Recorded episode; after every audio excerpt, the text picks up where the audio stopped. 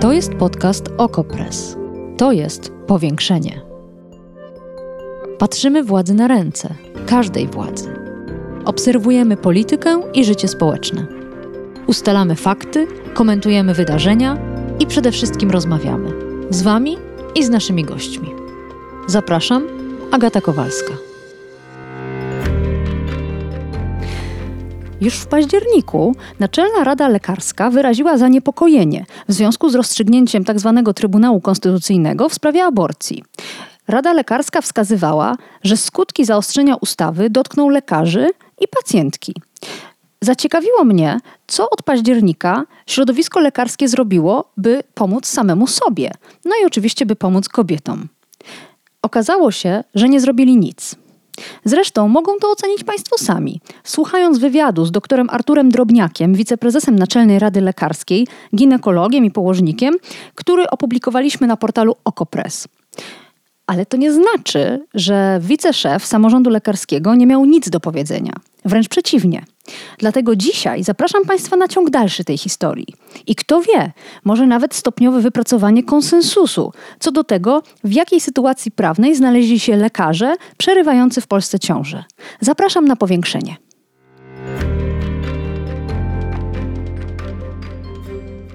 A moim gościem jest pani Kamila Ferenc, prawniczka i koordynatorka zespołu prawnego Federacji na Rzecz Kobiet i Planowania Rodziny. Dzień dobry.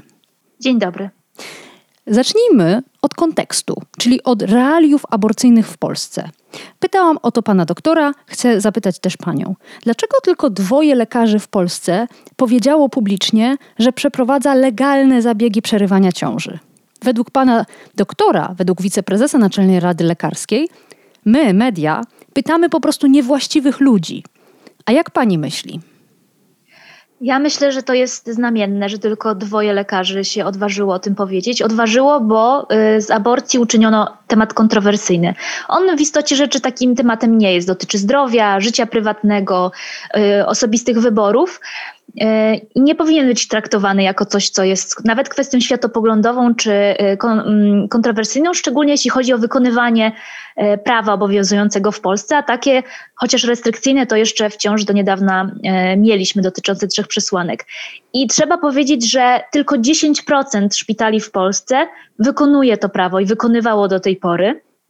Teraz być może to się jeszcze zmieni na gorsze po, po publikacji tego pseudowyroku.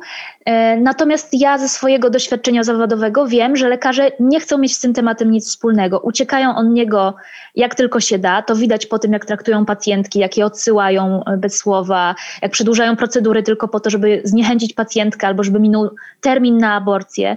E, ponieważ z różnych względów, i tu można wymieniać demonstracje pod szpitalami, nazywanie lekarzy mordercami, ale też jakieś szantaże ze strony NFZ-u, e, generalnie taki klimat polityczno-społeczny wokół aborcji, chociaż E, społeczeństwo w sondażach pokazuje, że popiera w coraz większym stopniu liberalizację prawa antyaborcyjnego, no ale taki klimat tworzony przez establishment polityczny jest antyaborcyjny i lekarze niestety czasami być może, można powiedzieć, że koniunkturalnie, czasami może z jakichś osobistych pobudek, ulegają temu nastrojowi i po prostu nawet y, nie chcą wymawiać słowa y, aborcja bardzo często. A jeszcze wracając do kontekstu tego, w jakich warunkach się obracamy, bo to jest bardzo ważne, żeby później zrozumieć te szczegóły. Jak wygląda w tym momencie podziemie aborcyjne? Waham się zawsze, zanim użyję w ogóle słowa podziemie, bo ono kojarzy się z czymś mrocznym, krwawym, niebezpiecznym, groźnym. Czy rzeczywiście to jest adekwatne określenie dla tych wszystkich aborcji, które w Polsce są wykonywane poza systemem? E, dzisiaj już nie jest to do końca adekwatne określenie. Ja, ja już przestałam mm, go używać, e, chociaż wiadomo, że się przyjęło i jest jakiś skrót myślowy. Natomiast dzisiaj te aborcje pozasystemowe po pierwsze wyglądają inaczej niż w latach 90., na początku lat 90. Po drugie, to nie są e, wyłącznie mroczne historie, to czasami są bardzo właśnie świadome, bezpieczne historie, bo dzisiaj można poza systemem bezpiecznie przerwać ciążę, tylko problem polega na tym, że potrzebne jest posiadanie odpowiednich zasobów. Dostęp do informacji, do internetu, e, do finansów, znajomości, kogoś, kto po prostu podpowie, z jakiej strony bezpiecznie zamówić e, zestaw poronny, e, kto podpowie, gdzie można uzyskać dofinansowanie na wyjazd zagraniczny. Ja od razu mogę powiedzieć, że taką pomoc świadczy aborcja bez granic bardzo łatwo jest znaleźć numer do aborcji bez granic w internecie i ona pomaga w wyjazdach do klinik aborcyjnych za granicą. E, a Women on Web czy Women Help Women e, wysyłają zestawy poronne za pewną darowiznę, ale gdy ktoś ma problemy finansowe, czynią to też za darmo. Przepraszam, I... teraz przerwę. Czy mówienie o tym w wywiadzie dla nas jest legalne? Czy prowadzenie tej działalności jest legalne? I wreszcie, czy zamawianie tych środków jest legalne? Czy którakolwiek z tych czynności, które Pani opisała, łamie polskie przepisy. E, co do zasady nie, ale muszę tutaj dopowiedzieć. To, że rozmawiamy dzisiaj o tym wywiadzie, absolutnie jest legalne. Mówimy o tym, jaka jest rzeczywistość. Gdyby nam zabroniono tego, e, to byłoby naruszenie wolności słowa i na pewno skończyłoby się e, w Europejskim Trybunale Praw Człowieka w Strasburgu jako stwierdzenie właśnie naruszenia prawa konwencyjnego do wolności słowa.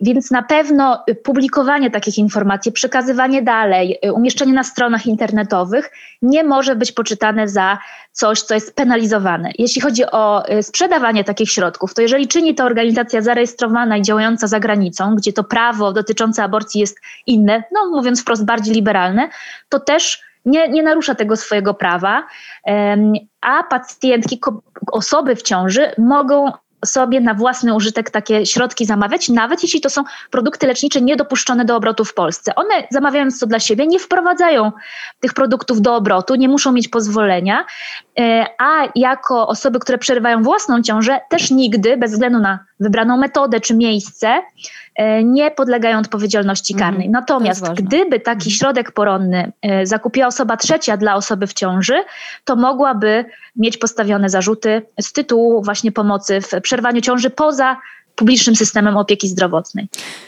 Mówiło się, e, bo tematyką aborcyjną zajmuję się od lat, że wiele kobiet, które mogłyby przerwać ciążę w systemie, nie decyduje się na to.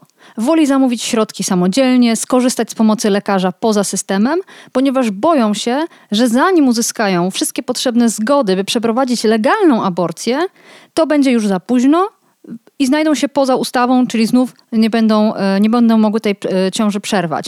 E, czy rzeczywiście tak jest? Tak rzeczywiście jest. Y, Im są bardziej świadome pacjentki i czytają na przykład nasze raporty i wiedzą, przez jaką gehennę czasem trzeba przejść w publicznym szpitalu, wolą z tego zrezygnować i zapłacić za komfortowy zabieg y, w poczuciu, bez stresu, w poczuciu bezpieczeństwa i bez oceniania, y, na przykład w klinice za granicą. Tak? Więc rzeczywiście tak się zdarza i to wynika z różnych reportaży, które są w tych klinikach, zwłaszcza przygranicznych, przy granicy z Polską e, przeprowadzane, tam widać, że bardzo wiele tych pacjentek e, miałoby tytuł doświadczenia zdrowotnego w Polsce. I to jest straszne, że państwo no po pierwsze zamyka oczy na realne potrzeby swoich mieszkanek, czyli na to, że kobiety potrzebują aborcji częściej niż w tych trzech restrykcyjnych przypadkach, ale po drugie, to są osoby, które płacą tu podatki, składki, mają ubezpieczenie i mimo to nawet te, tego minimum e, zagwarantowanego w ustawie nie mogą wyegzekwować, bo po prostu system jest tak skonstruowany, żeby je, e, mówiąc wprost, upokorzyć, przeczołgać, zniechęcić, e, mhm. zniechęcić i wyrzucić na margines. Mhm. Wróćmy teraz do wydarzeń ostatnich miesięcy. Noc z 27 na 28 stycznia zapamiętam na zawsze. To mówiła pani Krystyna Kacpura, szefowa Federacji na Rzecz Kobiet i Planowania Rodziny w wywiadzie dla Okopres. Mówiła dalej, koszmar, najgorsze chwile w moim zawodowym życiu. Odebrałam dziesiątki telefonów od przerażonych kobiet i zdezorientowanych lekarzy. Nikt tym lekarzom nie powiedział, co mają robić. Dzwonili i pytali, nie wie pani, czy ja mogę dokończyć zabieg. I ja ten fragment cyta- e, tego wywiadu, który przeprowadziła Magdalena Chrzczonowicz, zacytowałam panu doktorowi Arturowi Drobniakowi, czyli wiceszefowi e, samorządu lekarskiego. I chciałabym, żebyśmy wspólnie wysłuchały, e, jak on to skomentował. U nas telefony nie dzwoniły. I proszę posłuchać, co było dalej. Jeśli takie pani z federacji otrzymywała telefony, no być może tak jest. Ciężko mhm. mi tutaj się odnieść, proszę Państwa. No, nie możemy też podchodzi do tego tematu tak zero-jedynkowo, prawda? Bardzo często y, przede wszystkim lekarze ginekolodzy konsultują się ze swoimi szefami. No to są nasi bezpośredni przełożeni. Często możemy z nimi przeprowadzić naprawdę merytoryczną rozmowę i przede wszystkim no, uzyskać informacje o tym, y, jakie kroki wdrożyć i jakie postępowanie w danej chwili przeprowadzić. Wydaje Ale... mi się, że to jest mhm. bardziej logiczne, żeby skontaktować się ze swoim bezpośrednim przełożonym i szefem, a on może się skonsultować jeszcze z wyżej przełożonym i szefem, choćby z krajowym czy wojewódzkim konsultantem do spraw ginekologii i położnictwa i uzyskać informacje w tej kwestii. Tutaj organy samorządu akurat nie są adresem docelowym, wydaje mi się, do e, takiego, do takich zapytań o to, co mhm. mam dalej robić. I też mi się wydaje, że no, pani z federacji y, też nie jest takim adresem. Co pani na to? No ja myślę, że to jest trochę zamiatanie problemu pod dywan i y, próba nie skomentowania ewidentnego y, takiego symbolu, jak, y, co jest nie tak z tym systemem.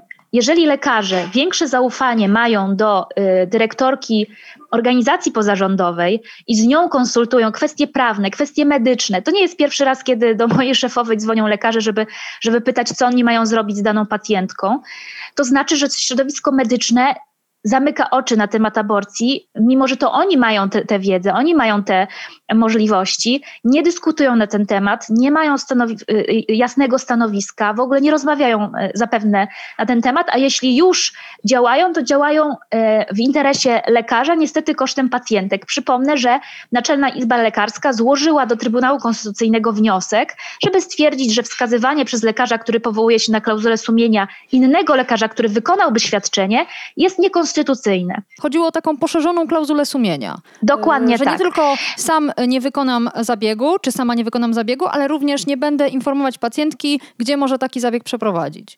Dokładnie tak. I, yy, I tu widać, że yy, we własnym interesie temat aborcji został podjęty, bo klauzula sumienia dzisiaj jest wykorzystywana wyłącznie do odmowy aborcji, no jeszcze czasami antykoncepcji czy badań prenatalnych w sposób nieprawidłowy, e, oczywiście, bo nie można odmówić e, recepty powołując się na klauzulę sumienia, ale to jest na temat na oddzielną dyskusję. Natomiast jeśli chodzi o właśnie niewykonywanie prawa, my tutaj nie mówimy o czymś światopoglądzie, czy kaprysie, czy, czy jakichś profitach. Tu chodzi po prostu o wykonywanie prawa i szanowanie praw pacjentek.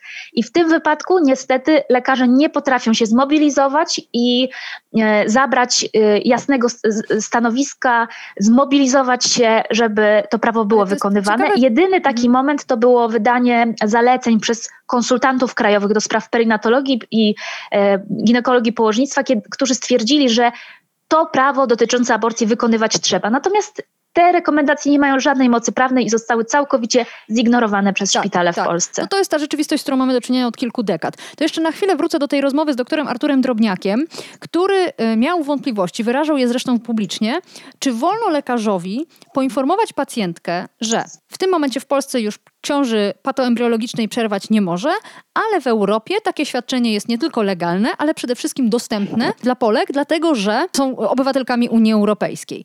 I proszę posłuchać, jakie e, zdaniem e, samorządu jest tutaj rozstrzygnięcie prawne, to znaczy co wolno lekarzowi.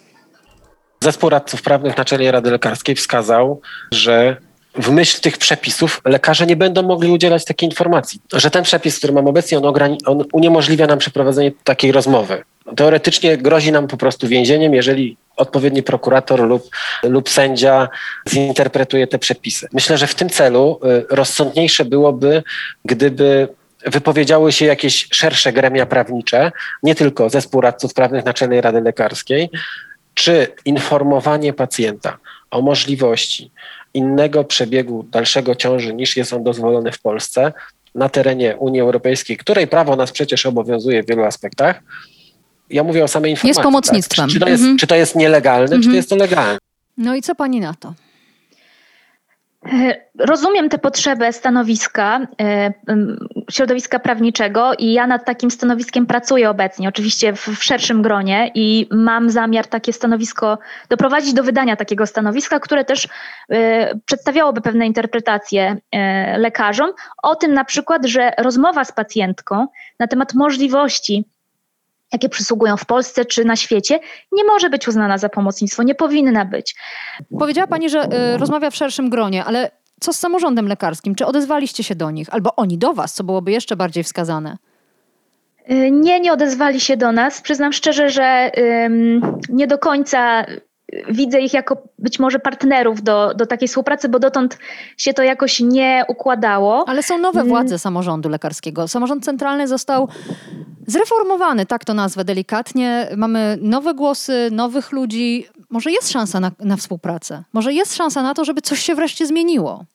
Ja bardzo liczę na to, że lekarze y, będą wydawać, czy takie środowiska lekarskie, stanowiska y, dotyczące aspektów medycznych obecnej sytuacji, czyli na przykład jakie zagrożenia dla zdrowia fizycznego i psychicznego może nieść ciąża ze stwierdzonymi ciężkimi, nieodwracalnymi wadami płodu. Y, mam zapewnienie, że Polskie Towarzystwo Psychiatryczne takie stanowisko ma wydać, natomiast wciąż czekamy, bo, y, bo jest ono rozpatrywane w zarządzie tego towarzystwa. Ja zwróciłam się do Towarzystwa Polskiego Towarzystwa Ginekologicznego. Nie dostałam niestety odpowiedzi. E, Ale Prosiłam też zaraz, narodowego konsultanta. No właśnie, bo towarzystwa e, ginekologiczne, psychiatryczne, wszelkie inne lekarskie towarzystwa mogą wydawać rekomendacje, natomiast to nie jest oczywiście oblik, to nie jest prawo, więc właśnie chciałam zapytać o konsultantów, bo to chyba oni mogliby nakierować i rozstrzygnąć tę sytuację. No przyznam szczerze, że jeden z konsultantów raczej nie jest zwolennikiem prawa aborcyjnego, powie, powiem to tak dosyć eufemistycznie, natomiast drugi nie zareagował do tej pory na, na moją prośbę. Mam wrażenie, że jest wciąż, jakby rozbijamy się o tę zmowę milczenia i próbę ucieczki od tematu. Mhm. Ja ciągle liczę, że jednak to się wydarzy, że, że lekarze, konsultanci będą wydawać te, te rekomendacje, będą wskazywać lekarzom, nie bójcie się, musicie ratować pacjentki, yy, choroba pacjentki czy y, zły stan psychiczny pacjentki w ciąży może być y, spełnieniem tej przesłanki pierwszej, która jeszcze ciągle nam została. Natomiast ja zdaję sobie sprawę z tego, że to potencjalne ryzyko, że nie wiemy, jak pisowski prokurator zinterpretuje to prawo i czy nawet koniec końców ta sprawa może zostać umorzona, ale to, że on ją y, rozpocznie, czy e, postawi zarzuty, no, że w jakiś sposób będzie dolegliwością dla no życia oczywiście. choćby to zawodowego takiego lekarza. I to, jest najtrudniejszy element systemu, bo my możemy powiedzieć lekarzowi, nie bój się rozmawiać z pacjentką. Pamiętaj, że y, depresja pacjentki to jest także wskazanie do terminacji ciąży. Tylko co z tym indywidualnie lekarze zrobią, to jest najtrudniejszy element tego procesu. I tu jest właśnie rozwiązanie, które, bo tak jak mówię, ten wywiad z doktorem Arturem Drobniakiem wydał mi się ciekawy i ważny, między innymi dlatego, że nie był zero-jedynkowy. To nie był lekarz, lekarz, tak jak przyzwyczaiła nas zresztą e, Naczelna Izba Lekarska dawniej, lekarz, który po prostu zamykał oczy na rzeczywistość. Tutaj ja czułam, że jest szansa, jest jakieś mm, wrażenie przynajmniej, że jest szansa na coś nowego, na, jakieś, na jakąś nową e, inicjatywę. I proszę posłuchać, jaką propozycję e, ma Naczelna Rada Lekarska, jeśli chodzi właśnie o te sytuacje, w których pacjentka jest, jest w złym stanie psychicznym i co wtedy można zrobić, żeby mogła po prostu spokojnie tę ciążę przerwać. Proszę posłuchać. Czy nie najlogiczniej byłoby stworzyć, tak jak w przypadku tej terapii uporczywej, komisję zdrowia, w skład których wchodzi specjalista, ginekolog, położnik lub perinatolog, ewentualnie genetyk i lekarz psychiatra i decydują o tym, czy dana sytuacja związana z chorobą dziecka, związana ze stanem matki, to jest sytuacja, która jest zagrożeniem jej życia, czy ciężkim zagrożeniem jej zdrowia i czy taką ciążę należy przerwać. Czy to jest realny pomysł? Trudno mi jest odpowiedzieć na to pytanie. Z jednej strony być może tak, a z drugiej strony, jak słyszę o powoływaniu jakiejś komisji, to niestety wracają negatywne wspomnienia związane z tym, jak do tej pory funkcjonowało prawo, które mówiło jasno: jeden lekarz stwierdza przesłankę aborcyjną, drugi wykonuje. I pacjentki próbowano właśnie zniechęcić, przedłużyć im procedury konsyliami, dodatkowymi jakimiś konsultacjami, zlecaniem miliona badań. Boję się trochę, że ta komisja może być, zwłaszcza, że nie wiem, czy ona ma być centralna, czy będzie powołana w każdym województwie, powiacie, to trzeba też pamiętać, że pacjentki mają prawo do pomocy medycznej w swoim lokalnym szpitalu. Nie może być tak, że one będą jechały kilkadziesiąt kilometrów tylko po to, żeby się spotkać z komisją, która na przykład obraduje raz na dwa tygodnie.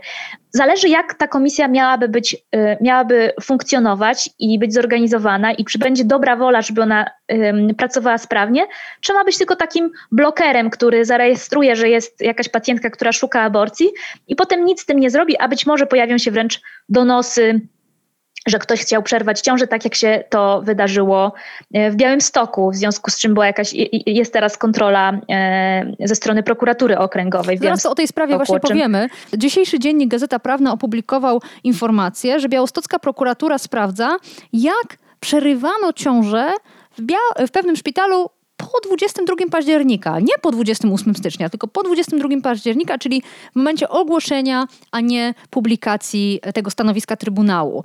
E, czy pani zna szczegóły tej sprawy? O co tam tak naprawdę chodzi? Czy to jest jakaś pomyłka, jakiś e, błąd w systemie, czy, e, czy to jest jakaś nowa rzeczywistość? To jest y, pokazanie układu sił w systemie, to znaczy było złożone zawiadomienie Fundacji Pro Prawo do Życia, czyli takiej jaskrawie antyaborcyjnej fundacji i bardzo poważnie potraktowane przez e, prokuraturę, która e, tak naprawdę powinna podjąć działania, kiedy jest uzasadnione podejrzenie popełnienia przestępstwa. A tutaj, jak wskazuje ten list, który został wysłany do szpitala w Białymstoku, nie ma takiego uzasadnionego podejrzenia, bo prokuratura chce całą dokumentację wszystkich pacjentek, to znaczy chce szukać na siłę yy, czegoś, co można byłoby podciągnąć pod być może jakieś zarzuty czy akt oskarżenia, a nie ma w ogóle przesłanek ku temu, żeby stwierdzić, że zaszło, doszło do jakiegoś przestępstwa. Ale akurat poprosiła o dokumentację po 22 października, czyli rozumiem, że przynajmniej teoretycznie zakłada, że po 22 października zmienił się stan prawny w Polsce, a to jest nieprawda.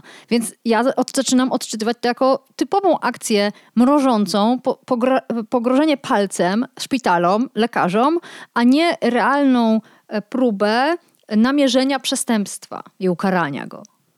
Tu są dwie rzeczy. Pierwsze, pokazanie tej fundacji, że ma, macie nasze wsparcie, tak? Jakby mhm. władza stoi po waszej stronie, a nie po stronie tych wszystkich kobiet, które dzisiaj protestują. Po drugie, oczywiście w pełni się zgadzam, to jest straszak. To jest pokazanie, yy, bójcie się, bo jeżeli będziecie próbowali ratować pacjentki, na przykład kwalifikując te, które mają ciąże embriopatologiczne na przesłankę zagrożenia życia i zdrowia, to możemy przyjść, wszystko to sprawdzić i powiedzieć, że depresja kobiety nie jest niczym poważnym, postawimy wam zarzuty, zrobimy chaos, wjedziemy na oddział ginekologiczny, zrobimy wam piekło. Ja tak odbieram um, to działanie prokuratury. Dzisiaj wszystko jest możliwe, niestety. E, doszło do takiej instrumentalizacji prawa i organów ścigania. E, I, I myślę, że o ile to jest z prawnego punktu widzenia działanie bezcelowe, to politycznie jest to właśnie takie działanie e, nacelowane na efekt mrożący.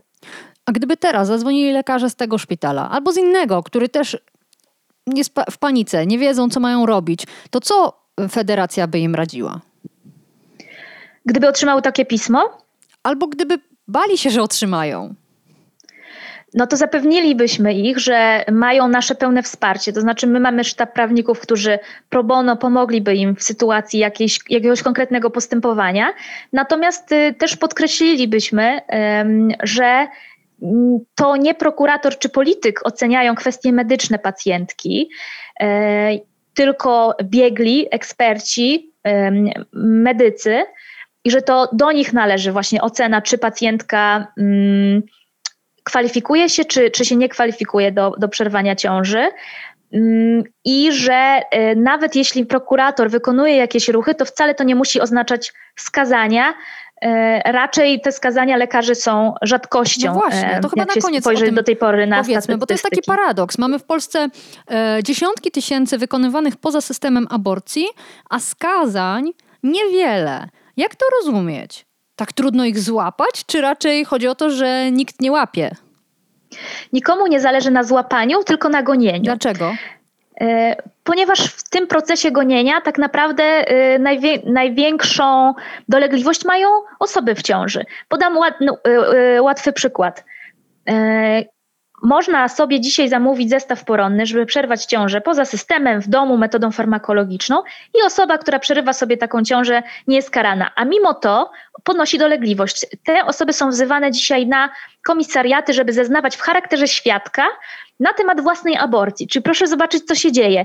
Trzeba opowiedzieć obcemu człowiekowi, policjantowi, czasami w obskurnym komisariacie, o tym, jak się przerwało swoją własną ciążę, co jest intymnym doświadczeniem, takim cielesnym bardzo.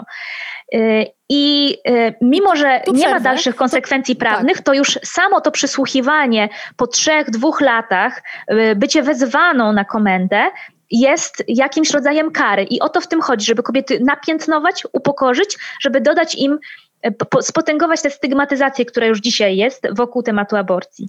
To już yy, w takim razie na koniec, co by pani powiedziała takim kobietom, które chcą przerwać ciążę, chcą to zrobić samodzielnie, legalnie, poza y, systemem, który jest, który jest fasadowy, a boją się, że zostaną wezwane na e, policję. Czy na przykład mogłyby wtedy poprosić Federę o, nie wiem, o konsultację prawniczą albo o... Oczywiście. Codziennie, codziennie udzielamy takich konsul- konsultacji. I co, i co? Mówimy, Mhm. y, mówimy o tym, jakie mają prawa, że na przykład mogą odmówić składa- e, odpowiedzi na pytania czy, czy, czy, czy składania zeznań, jeżeli chodziłoby o osobę im najbliższą. Że nie muszą y, pamiętać wszystkiego po trzech latach, że nic im z tego tytułu nie grozi, e, że że jest to nieprzyjemne, ale żeby nie dały się sobie wmówić, że zrobiły coś złego, a już na pewno nie dały się zastraszyć, że na przykład zostaną im odebrane dzieci przez opiekę społeczną, tylko dlatego, że przerwały ciążę. Naprawdę taka jakby wspierająca rozmowa i, i z prawnego i psychologicznego punktu widzenia jest u nas zapewniona. Natomiast też chcę powiedzieć szerzej, y, nie bójmy się, każdego dnia y, miliony kobiet na całym świecie przerywają ciąży. To jest doświadczenie bardzo uniwersalne. Ono wynika nie tylko na przykład z przepisów danych państw, ale po prostu z godności człowieka, żeby zadecydować o swoim życiu. I jest nas y, miliony osób, które y, wspierają y, prawo kobiet do aborcji i, i nie jesteśmy po prostu same. Cały czas o to walczymy wspólnie i solidarnie. Kamila Ferenc, koordynatorka zespołu prawnego Federacji na Rzecz Kobiet i Planowania Rodziny. Bardzo dziękuję za to spotkanie. Dziękuję. Powiększenie. Podcast Okopres. Prowadzenie Agata Kowalska. Podcast znajdziesz na stronie Okopres i w Twojej ulubionej aplikacji do podcastów. Redakcja Okopres działa od 2016 roku. Jesteśmy obywatelskim narzędziem kontroli władzy, obecnej i każdej następnej. Okopres utrzymuje się z Waszych darowizn. Wesprzyj nas, byśmy mogli działać dalej.